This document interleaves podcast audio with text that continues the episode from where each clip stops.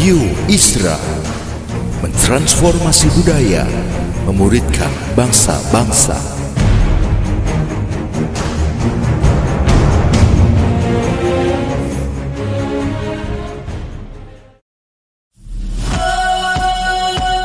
Suara Transformasi Membagikan inspirasi tentang karya-karya memuridkan bangsa dengan nilai-nilai Kristiani dalam berbagai sisi kehidupan. Selamat mendengarkan.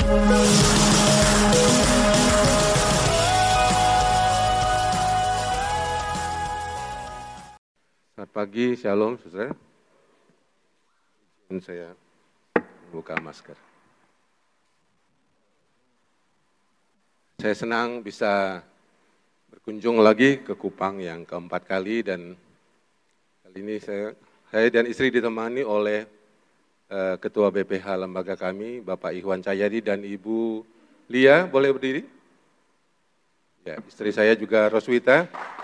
Istri saya Roswita sudah tiba. Pak Frans dan Ibu Rita, Dr. Erik dan Dr. Catherine, terima kasih mengundang kami. Dua hari rasanya kurang. Berat hati mau meninggalkan Kupang sore ini. Dan saya akan menyampaikan satu tema. Saya ingin memulai dengan membaca satu ayat dari Mazmur 73 Tema yang kita akan renungkan adalah salib di tengah badai keluarga. Mazmur 73 ayat yang ke-21. Ketika hatiku merasa pahit dan buah pinggangku menusuk-nusuk rasanya. Aku dungu Aku tidak mengerti. Seperti hewan, seperti binatang aku di dekatmu. Tetapi aku tetap dekat. Tetap di dekatmu. Engkau memegang tangan kananku. Ayat 26. Sekalipun dagingku dan hatiku habis lenyap. Gunung batuku dan bagianku tetaplah Allah selama-lamanya. Ada dua masa hati saya merasa sangat pahit kepada Tuhan. Saya tidak mengerti apa yang dia izinkan dalam hidup saya. Secara pribadi pada waktu usia saya 24 tahun, saya hampir menyelesaikan studi teologi saya di Batu Malang. Ketika pacar saya yang adalah teman sekolah saya waktu itu. Yang sudah saya perjuangkan kepada orang tua yang tidak setuju hubungan kami. Pulang praktek, saya ke Papua Irian, dia ke Kalimantan. Dia pulang-pulang berencana menikah dengan orang lain. Sebagai orang Kristen baru yang punya latar belakang masa lalu yang tidak begitu baik, saya sulit mengerti apa yang terjadi waktu itu. Malam-malam saya susah, tidur dan mulai saya meragukan Tuhan. Apakah Tuhan itu benar ada? Ingat ya, itu terjadi di sekolah Alkitab ya, bukan di nightclub. Dan saya lama berhari-hari berpikir apakah Tuhan itu ada. Dan saya memutuskan mengatakan Tuhan tidak ada. Tapi hari-hari selanjutnya saya gelisah. Saya pikir Tuhan pasti ada. Tapi saya menjerit malam itu, saya mengatakan, engkau ada tapi kau tidak hebat.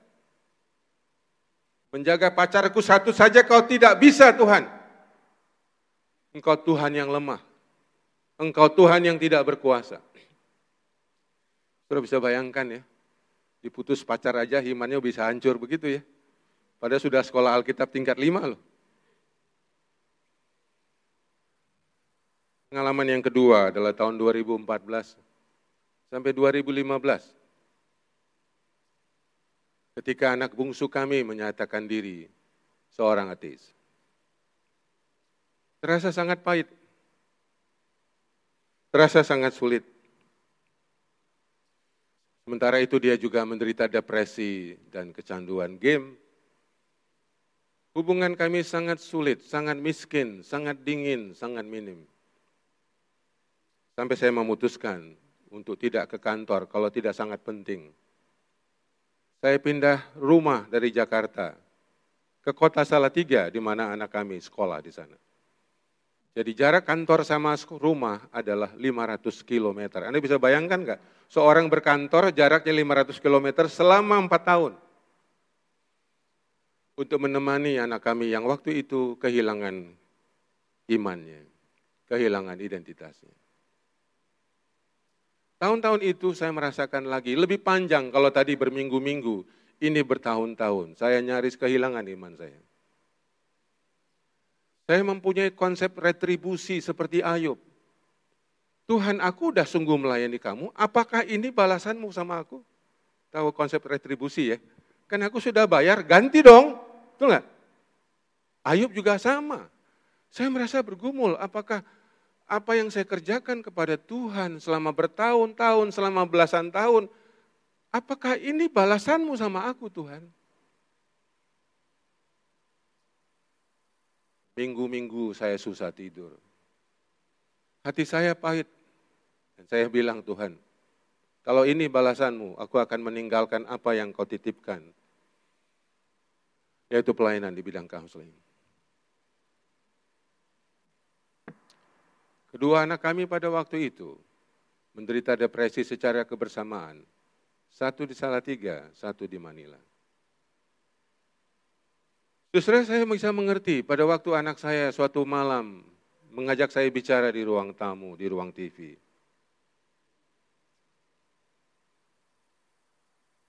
Pak, apa perasaanmu seorang pendeta, tapi anakmu ateis seperti saya? Sudah lama saya tunggu pertanyaan itu. Dan saya sudah siapkan jawabannya. Saya bilang, nak, sedihnya hatiku. Aku kecewa karena kamu tidak percaya kepada Tuhan. Dia bukan hanya tidak percaya, setiap pendeta, setiap orang Kristen datang ke rumah, dia akan serang. Dan saya malu sekali bersama istri saya pada waktu itu.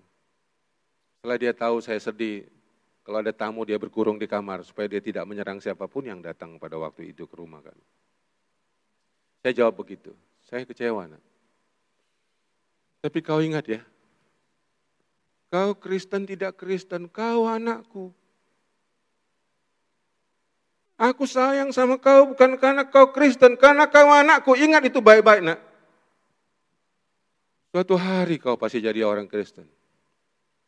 Dari mana Bapak tahu? Tahu aku. Tuhan sudah janji, kisah Rasul 16 ayat 31. Sayalah Tuhan Yesus, engkau akan selamat engkau dan sisi rumahmu. Suatu hari kau nanti percaya. Yang kedua, opungmu dulu juga dukun, bukan orang percaya. Suatu hari dia juga terima Tuhan. Suatu hari kau nanti terima Tuhan. Iya Pak, aku tidak mau ke gereja karena Bapakku pendeta. Aku mau ke gereja nanti kalau aku menemukan kebenaran itu sendiri. Aku tidak mau munafik, aku belum bisa percaya kepada Tuhan saat ini. Oke, jadi Bapak tidak paksa aku ke gereja? Tidak. Sementara kau tidak ke gereja enggak apa-apa. Singkat cerita, tahun depannya bulan Januari 2016, dia menerima Kristus secara pribadi di kamarnya. Perjalanan yang panjang selama enam tahun. Tahun lalu saya menyiapkan tema ini, salib di tengah badai keluarga. Anda tidak sendiri, Pak Fran sebagai seorang gembala juga punya pergumulan. Ini ada sahabat saya Pak Ikhwan dan istri, Dr. Erik dan istri. Semua kita menanggung penderitaan yang sama. Seperti kata Petrus. Mari kita akan bersama-sama melihat tema ini. Saya mulai dengan Ibrani 12 ayat yang kedua. Karena saya tidak punya ini, saya bilang next saja ya. Oke. Ayat ini Saya suka sekali karena saya ini penggemar tinju dan bola. Jadi mengerti apa itu kata pertandingan. Dalam ayat 1, penulis Ibrani mengatakan karena kita ini sedang ada dalam satu pertandingan iman. Dan banyak saksi, banyak penonton yang sedang menyaksikan kita dalam pertandingan iman ini. Dan penulis Ibrani tidak jelas, ada yang bilang Rasul Paulus, ada yang bilang bukan. Ya, jadi saya sebut penulis Ibrani. Dia mengatakan dalam ayat yang kedua, marilah kita melakukannya dengan mata yang tertuju kepada Yesus. Yang memimpin kita dalam iman dan membawanya kepada kesempurnaan. Jadi dalam pertandingan iman ini ada pelatih, ada coach, ada yang memimpin kita dari luar lapangan untuk melihat kita bertanding. Dan penulis Ibrani bilang banyak saksi, banyak penonton, yaitu bapak-bapak orang beriman yang mendahului kita melihat dari sorga apa yang sedang kita alami dan rasakan. Sebenarnya menarik sekali bahwa kita itu ada dalam satu pertandingan. Next. Dan kalau di dalam pertandingan itu, berikutnya next. Kita tidak mungkin tidak kotor dan tidak cedera. Semua pemain tinju yang saya tonton itu, oh bisa juga ya, coba. Kalau ini ada malah bagus. Oh bagus banget ya. Canggih ya. Hebat. Semua yang saya tonton itu, semua terluka dan dalam keadaan kotor. Bedanya satu menang, satu kalah. Jadi kalau Anda bertanding dan berharap tidak kotor dan tidak luka, itu tidak mungkin. Kita tidak mungkin sampai ke finish tanpa cedera, itu tidak mungkin. Maka ajaran teologi yang sangat menyesakan adalah teologi kemakmuran, Injil kemakmuran, teologi sukses yang selalu menekankan kalau ikut Tuhan kita sukses, sehat, berhasil, bahagia. Itu saya kira melawan prinsip Injil. Kita banyak menderita bukan karena tekanan penderitaan hidup kita, tapi karena konsep dan nilai kita tentang penderitaan salah. Ini yang harus kita ubah dulu, bukan meminta Tuhan mengambil masalah kesulitan atau penderitaan. No, di sini otak kita yang salah memandang kesulitan hidup. Sama seperti saya dan Ayub. Melihat Tuhan itu hubungannya adalah konsep retribusi. Tuhan, gua baik, lu baik sama saya ya. Halo? Saya sudah menabur, kasih sama saya. Ini otak bisnis ini, sama Tuhan jangan begitu dong. Ya walaupun ada ayat dikasih seratus kali lipat, tapi jangan Anda yang nuntut, Tuhan yang kasih, nggak usah tuntut juga, Tuhan kasih kok. Jangan minta-minta. Tuhan saya nabur ya, sejuta, lu kasih seratus juta, mah itu mah kontak bisnis itu. Tuhan tidak demikian, saudara-saudara. Saya tidak tahu tokoh iman yang saudara kagumi dalam perjanjian lama. Tapi sebut siapa? Tokoh orang hebat dalam Alkitab perjanjian lama. Ada yang tidak menderita? Ada yang tidak dalam kesulitan? Semuanya dalam kesulitan. Semuanya dalam masalah. Saudara yang kekasih, saya membaca satu buku yang menegaskan Keluarga itu memang suatu paradoks, sesuatu yang bertentangan, sesuatu yang dinamikanya sulit untuk kita pahami. Apalagi ajaran-ajaran yang ada di YouTube, di Instagram, ya, di sinetron. Justru tidak ada tempat yang paling membuat Anda dan saya berpotensi disakiti daripada menjadi bagian keluarga. Dalam buku Mencintai Enggak Terluka saya mengatakan, makin kita mencinta, makin besar kemungkinan kita terluka. Jadi apakah kita takut mencinta? Jangan, saudara ya. Jangan, jangan. Ya, itu tidak itu dimaksudkan. Tapi saudara itu satu paradoks. Di mana keluarga itu memang sumber berkat.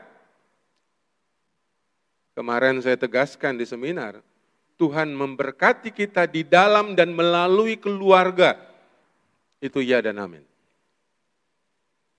Tetapi Tuhan memberkati kita juga melewati pergumulan-pergumulan yang Mazmur 23 mengatakan melewati lembah-lembah kekelaman, lembah-lembah bayang maut, lembah-lembah kesulitan, lembah-lembah perasaan-perasaan yang sangat tidak enak, saudara harus lewati sebelum naik dari atas lembah ke atas bukit perayaan-perayaan hidup kita. Saudara bisa bayangkan, rumah yang awalnya penuh dengan kegembiraan dan sukacita. Pagi-pagi kita gembira, sarapan bersama. Hmm, jam 9 ke gereja bersama-sama. Ntar pulang sore, ada mungkin anggota keluarga kita yang sakit. Bahkan mungkin meninggal dunia. Itu di tempat yang sama, di keluarga yang sama. Sustra ini suatu paradoks yang kadang-kadang kita tidak mengerti. Lalu bertanya, Tuhan, kenapa?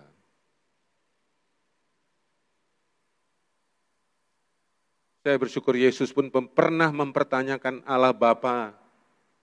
Eloi, Eloi sama sabatani. Allahku, Allahku, mengapa engkau meninggalkan aku? Bulu kuduk kita merinding saudara seorang yang bernama Yesus Kristus, seorang anak manusia yang adalah Tuhan pun mempertanyakan pertanyaan yang sama yang pernah kita tanya kepada Tuhan. Tuhan, mengapa engkau meninggalkan aku? Di sana kita menerima kebahagiaan. Di sana juga pula rentan dengan banyak penderitaan. Ada sukacita, ada kengerian. Ada keindahan, ada keberdosaan. Ada kenyamanan, ada kegelisahan. Pertanyaannya, keterampilan apa yang kita perlukan? Saya ini nggak pernah sekolah TK, Kalau saudara ingat saya dipakein rok waktu saya balita kemarin hari Jumat. Saya tuh malu, setiap kali mau sekolah itu saya malu. Sampai saya berhasil membuka rok itu ketika ibu saya memasakkan di umur saya lima tahun. Saya mulai berani-berani pergi ke sekolah TK, tapi cuma naik ayunan. Bukan untuk sekolah. Saya berani sekolah umur tujuh, langsung SD. Saudara hidup kita seperti naik ayunan. Atau bandul. Saudara kalau naik ayunan, enak nggak kalau cuma kita menang sendiri kita zup gitu, enak nggak? Kan kita lebih kuat kan, lebih berat kan? Tapi nggak enak begini aja. Kita mesti nang ning nang ning nang ning nang nang ning nang. Ayo ketawa dong. Nang ning nang ning. Hidup seperti itu Bapak Ibu. Pengkhotbah menggambarkan dengan segala yang sangat baik dia bilang untuk segala sesuatu itu ada waktunya. Ada waktu lahir, ada untuk mati. Ada untuk mendapat, ada waktu untuk membuang. Ada waktu untuk menangis, ada untuk tertawa. Jadi saudara-saudara yang kita latih adalah bukan menyelesaikan penderitaan, tapi mengayun bandul kita ya supaya seimbang. Dan saya kagum seorang Gary Chapman, sorry, seorang Daniel Goleman, mendefinisikan bahagia itu dengan sangat baik. Kebahagiaan sejati ialah menikmati kesusahan dan kesenangan secara seimbang.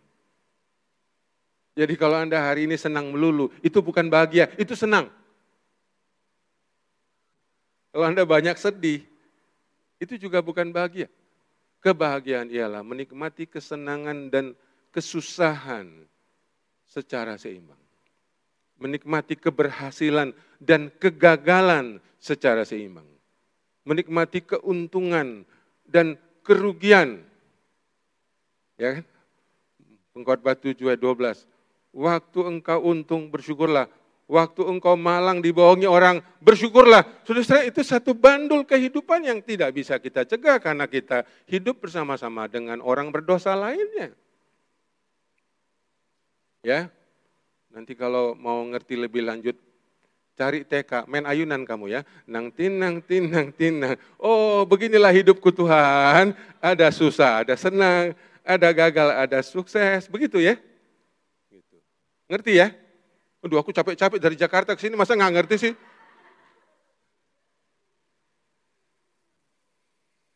Saudara bisa bayangkan ya, mama yang melahirkan bisa menjadi mama yang mengerikan.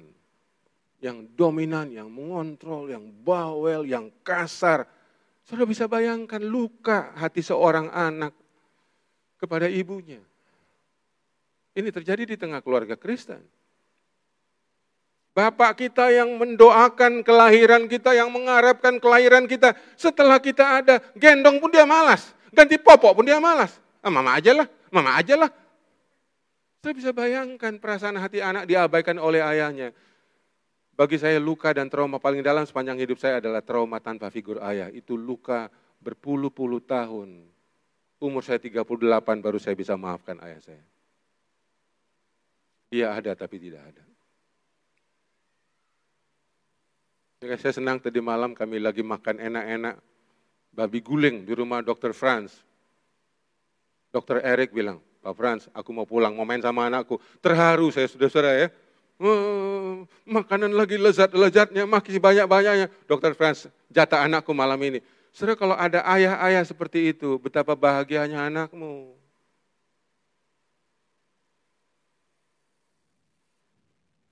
Yang paling menakutkan, yang paling buruk, saudara-saudara adalah ketika kita dan keluarga kita tidak mengenal Kristus dan tidak mengalami salib. Itu sebabnya fokus gereja harus tetap pada penginjilan, pada pemuritan. Karena yang paling berat dalam hidup kita bukanlah karena kita menderita, tapi kita tidak mengenal Allah yang mengizinkan kita mengalami penderitaan demi penderitaan dalam hidup kita. Saudara yang sudah mulai umur, hitunglah. Kita nggak lama lagi Bapak Ibu umur kita. Saya hampir 60. Saya nggak bilang 50 lebih, hampir 60. Kita nggak lama lagi, saudara. Hidup kita tidak begitu lama, tetapi saudara-saudara sudah diberikan hidup kekal oleh Tuhan Yesus Kristus. Itu jauh lebih penting Inilah dasar kita bisa merayakan kegagalan, merayakan kehilangan, merayakan duka cita, merayakan penderitaan. Yang dalam bahasa Rasul Paulus, mengucap syukurlah senantiasa. Saya sering diundang pengusaha berhasil. Pak, saya buka cabang, ruko baru, pimpin ucapan syukur ya Pak. Saya senang, tapi ya orang nggak percaya juga gitu kan? Betul nggak? buka cabang, ucapan syukur. Saya itu nunggu ya, pengusaha bangkrut lalu minta ucapan syukur, saya mau pimpin itu. Baru kelihatan imannya, betul nggak? Lah orang nggak percaya juga bisa kan bikin ucapan syukur. Mungkin kita tidak sadar. Dari semua agama, hanya orang Kristen yang mendemonstrasikan kebahagiaannya ketika ada keluarganya meninggal. Kalau nggak percaya lihat, bikin kebaktian ucapan syukur kan. Kebaktian duka isinya pujian kepada Tuhan. Waktu ayah ibu saya meninggal dalam waktu satu minggu. Kami sekeluarga nyanyi lagu Betapa hatiku Tuhan. Itu semua tetangga yang tidak Kristen bingung. Bapak mamanya meninggal kok berterima kasih. Berterima kasih Yesus. Setelah kita nggak sadar, agama Kristen adalah agama ucapan syukur, agama perayaan. Saudara, kalau Anda kita mengenal Tuhan dengan baik, kita akan mengerti apa itu artinya merayakan kegagalan, kehilangan, penderitaan, dan kesulitan-kesulitan hidup kita. Setelah tentu melewati masa hati kita pahit untuk seketika lamanya. Saya bisa mengerti ketika anak saya sulit percaya Tuhan. Karena saya ayahnya pun pernah dua kali meragukan akan cinta dan kekuasaan Tuhan. Saudara yang kekasih dalam Tuhan, semua tokoh-tokoh Alkitab paling banyak mengalami serangan-serangan. Kita sebut Ayub, Daud, Abraham, Musa. Semua mengalami kesulitan. Dan itu sebabnya saudara keluarga tak jarang ya. Next. Enggak mau ini, bantu dari atas. Nah, ya. Jadi kalau kita lihat, justru keluarga yang sering sekali membuat kita itu mendapat masalah-masalah berat. Saya bisa mengerti kenapa Tuhan mengikat perkawinan dengan janji di gereja. Tuhan udah tahu sifat manusia ini, ini pasti tidak setia. Maka kita disuruh berjanji di depan pendeta. Apa isinya? Masih kan nggak dokter Erik? Saya takut udah lupa ini dokter Erik. Waktu susah atau senang, waktu cukup atau kurang, ya kan? Waktu sakit atau sehat. Ada satu profesor seksolog dia tambahkan, waktu kenceng atau loyo katanya. Wah itu Profesor Wimpi Pengkahila itu. Karena dia bilang nanti mulut mukamu juga kenceng kan, nanti juga loyo kan, berkeriput. Artinya benar juga itu. Jadi karena itu saudara, Tuhan tahu kenapa kita harus berjanji di depan Tuhan, karena kita makhluk yang tidak setia. Dan saudara tahu bahwa salib itu datang itu untuk mengganggu, mengacaukan kehidupan kita yang tenang dan mapan. Saya ingat Yesus berkata, kalau anak manusia datang, dia akan memisahkan antara keluarga satu dengan yang lainnya. Dengan pedang. Pedang itu adalah pedang kesulitan. Kenapa? Supaya kita lari menjumpai sang anak manusia, yaitu Kristus. Saya percaya setiap penderitaan membuat kita sejengkal lebih dekat dengan salib. Justru kesenangan yang berlebihan membuat kita sejengkal lebih dekat dengan kasur. Membuat kita tidur enak, lupa berdoa. Betul nggak? Kapan Anda kencang berdoa? Pasang lutut waktu kita susah kan? Betul nggak? Oh Tuhan, kalau lagi senang doa aminnya besok pagi. Pengalaman kan? Kita udah mulai doa, otak kita udah, kepala kita udah oyong-oyong. Tuhan terima kasih aku mau tidur. Amin. Begitu kan? Kalau kita lagi senang kan begitu. Wah, tapi kalau kita lagi susah, beda susah saya. Kalau tidak percaya itu dinding kamar kita menjadi saksi. Karena memang keluarga didesain untuk peperangan rohani. Ini istilah yang baru saya dapatkan dari satu buku bagus ya. Keluarga itu tempat di mana Tuhan hadir itu didesain untuk satu peperangan rohani di mana kita melatih anak cucu kita untuk mengerti apa itu keluarga. Apa itu iman di dalam suatu keluarga. Dan kenapa kita harus bergantung kepada Tuhan, kepada anugerah Allah lebih daripada kekayaan, kepandaian, kekuatan, kecakapan, pengalaman. Hanya Tuhan yang bisa membuat kita menang. Jadi kalau saudara, kalau Anda sedang gelisah, susah, termasuk susah tidur, itu adalah alarm ilahi. Jangan selalu berpandangan negatif tentang kegelisahan. Kegelisahan itu bukan berarti Anda kehilangan sukacita, hanya fokus Anda kepada kegelisahan dan bukan kepada Roh Kudus dalam diri Anda. Itu masalahnya, makanya kita gelisah. Tapi Tuhan Roh Kudus tidak pernah meninggalkan kita. Dia setia, kata penulis Ibrani. Tuhan tidak pernah meninggalkan, tidak pernah membiarkan, tetapi fokus kita waktu itu bukan Tuhan, tapi masalah. Kali Anda bergeser dari masalah ke Tuhan, sesuai masalah itu tidak lagi menjadi masalah. Kalau nggak percaya, kantor pegadaian aja motonya bagus. Apa motonya kantor pegadaian? Mengatasi masalah Masa kita kalah? Janganlah. Kita punya iman kepada Kristus. Bilang sama pegadaian, aku juga bisa. Saudara, dan kita tahu bahwa tidak ada keluarga yang sempurna. Tidak ada. Saudara, tidak ada keluarga yang tidak ada kesulitan. Tidak ada. Tidak ada. Jangan pernah mimpi dan jangan pernah ada ikuti gereja yang mengajarkan, kalau ikut Tuhan kita senang, kita sukses, kita oke. Jangan pernah mendengarkan orang yang berkata begitu. Karena sang anak manusia, anak Tuhan, sang Kristus pun menderita selama hidupnya. Saya bersyukur keluarga sang penebus kita, lahir dari leluhur yang juga tidak sempurna. Ada pelacur, ada pezina, ada pembunuh, ada yang kawin incest, ya udah tamar. Justru saya bersyukur keluarga yang rusak, keluarga yang bermasalah, tetap dipakai Tuhan untuk rencana keselamatan. Yesus Kristus akan lahir dalam keturunan keluarga ini. Saudara percaya nggak? Di dalam keluarga Anda juga Tuhan sudah punya rencana yang baik, rencana yang kekal, rencana yang indah. Walaupun sekarang ini rasanya nggak mungkin.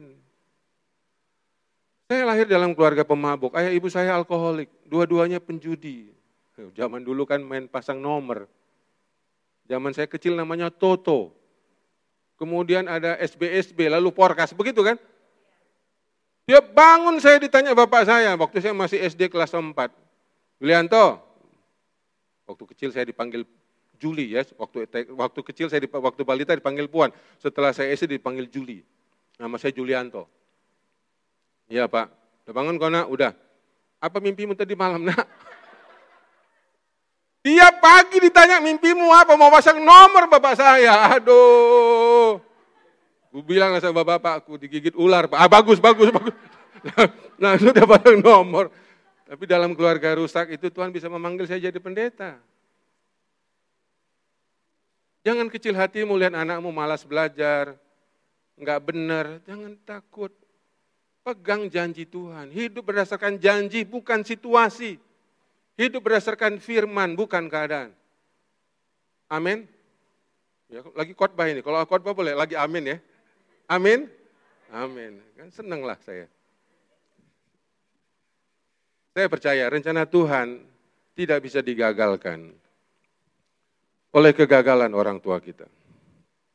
Oleh kegagalan bisnis kita. Ayub 42 ayat 2 memberikan saya satu apa ya? Jangkar yang kuat. Aku tahu ya Tuhan kata Ayub, tidak ada rencanamu yang gagal dalam hidupku.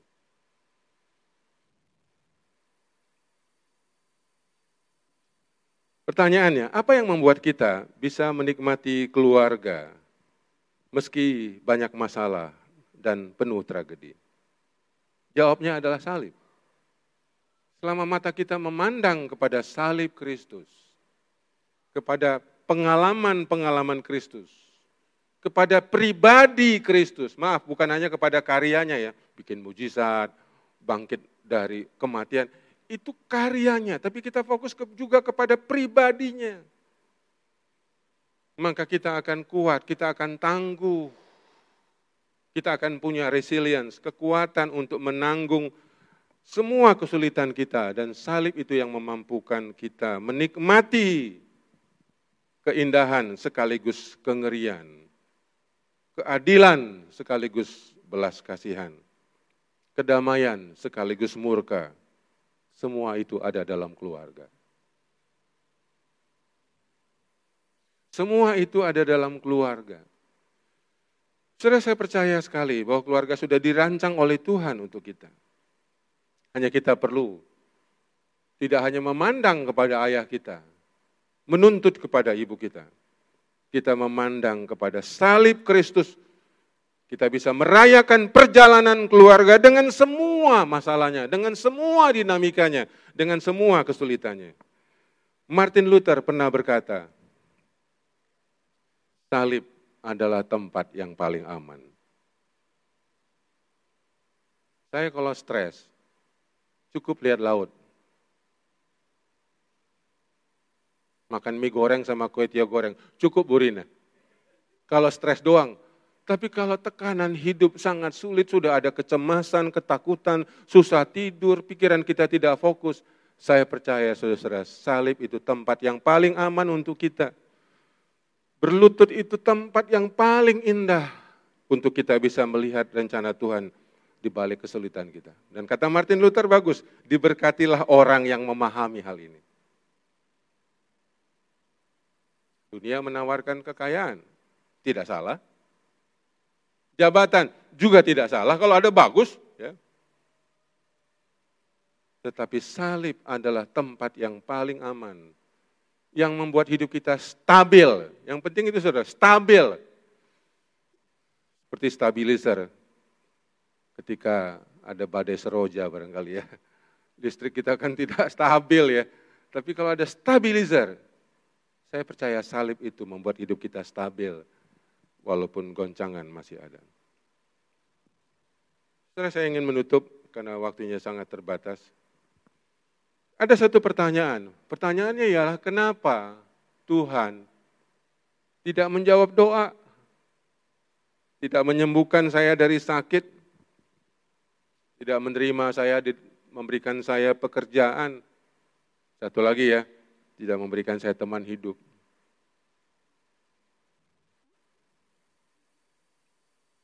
Saya ingin menjawab pertanyaan ini dengan cerita.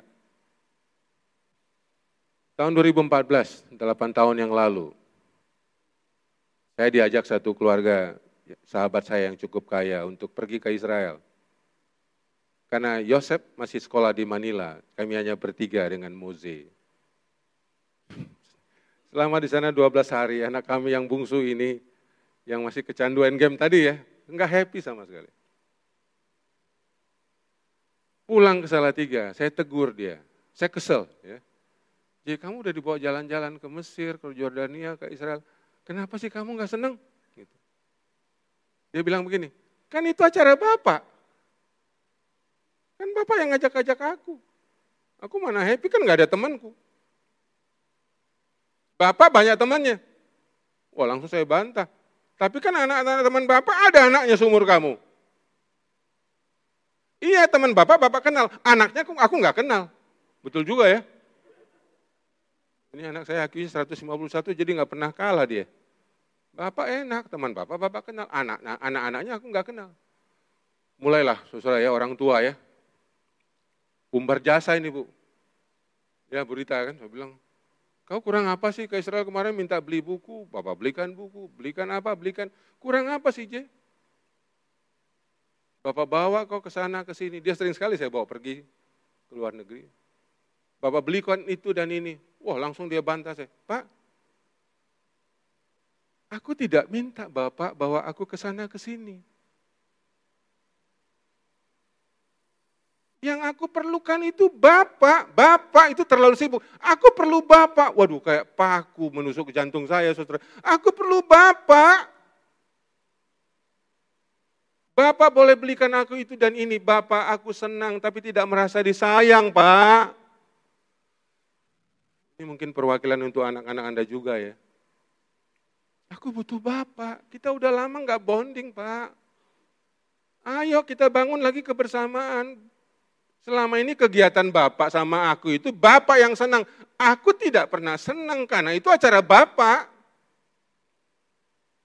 Pikirkan dong kesenanganku. Jangan cuma pikirkan kesenangan Bapak.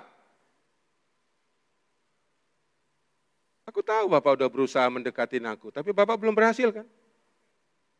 Memang saya udah usaha sampai pindah ke Salatiga. Jadi kutanya lah sama dia, jadi apa maunya nak? Bapak kan bisa main gitar. Malam-malam ajarin aku main gitar. Main gitar kita malam-malam kalau Bapak tidak pergi. Dari dulu ku ajak dia main gitar, tapi kan main game terus. Tapi nggak berani ku jawab gitu kan. Oh iya, iya, iya, iya, iya. Saya ajaklah dia main gitar malam-malam. Saya siapkan lagu, saya siapkan kuncinya. Senang banget dia saudara-saudara. Gini Pak, Bapak sama anak. Bapak senang, aku senang. Memang udah enam tahun kami nggak ada bonding Bapak Ibu. Karena dia main game, saya pergi pelayanan.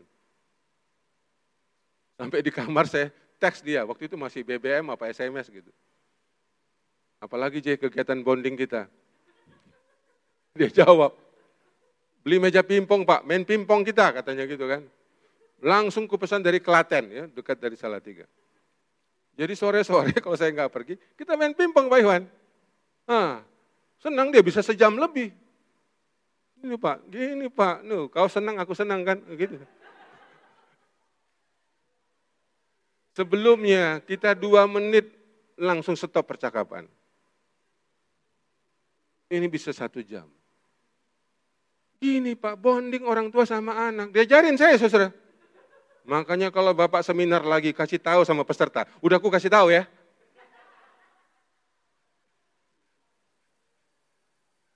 Terus kami minum, ada lagi J? Ada Pak. Besok pagi kita lari pagi ke stadion. Namanya Kridanggo. Saya pikir dia bercanda. Kan pecandu bangunnya jam 10 pak, kalau gelibur. Tenang-tenanglah kita sama istri saya. Setengah enam dia teriak, Pak, Mak, bangun. Ya udah, betul-betul. Ini malaikat mana yang sambar ini? Dia udah pakai sepatu. Pecandu yang bangun jam 10 ini, dia bisa bangun setengah enam. Sangin pengennya dekat sama bapaknya.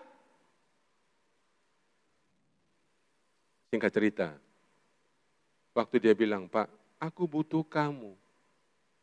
Pertanyaannya, kenapa Tuhan tidak menjawab doa kita? Karena Tuhan mau menemani kita dalam penderitaan kita daripada menjawab doa-doa kita, saudara-saudara. Dia lebih senang hadir di tengah penderitaan kita daripada memberikan mujizat-mujizatnya. Dia bukan tidak bisa kasih mujizat. Dia bukan tidak mendengar doa kita. Karena dia mau melatih kita menderita seketika lamanya supaya kita mengerti yang penting dalam hidup kita adalah kehadirannya, bukan berkatnya. Bukan pemberiannya. Ini yang membuat iman kita tangguh, otot emosi kita kuat, dan kita mengenal Tuhan jauh lebih daripada apa pun. Sekali lagi, saudara, Alkitab tidak menjanjikan kita kemakmuran, kekayaan, juga ketenangan. Injil hanya menjanjikan bahwa Tuhan tidak pernah membiarkan kita, tidak pernah meninggalkan kita, dan kita ada dalam jangkauan pemeliharaan Tuhan sebagai penutup. Karena itu sudah saudara fokus kita bukanlah pada pemulihan. Bukanlah kesembuhan. Juga bukan jawaban doa. Fokus kita bukan kebahagiaan, saudara-saudara. Bukan kekayaan atau kesuksesan. Fokus kita ialah salib Kristus. Sanalah mata kita memandang seperti kata penulis Ibrani, dialah pelatih iman kita yang membawa iman kita kepada kesempurnaan setelah kita luka, cedera, dan kotor dalam pertandingan itu. Sekali lagi jangan mimpi, saudara. Kita tidak mungkin sampai finish dalam pertandingan iman ini tanpa kotor atau cedera. Dari mimbar ini, saya mengucapkan selamat untuk Anda yang terluka. Untuk Anda yang sedang kotor, yang sedang bernanah, yang sedang bermasalah. Karena Tuhan tidak pernah meninggalkan kita. Mari kita berdoa bersama-sama.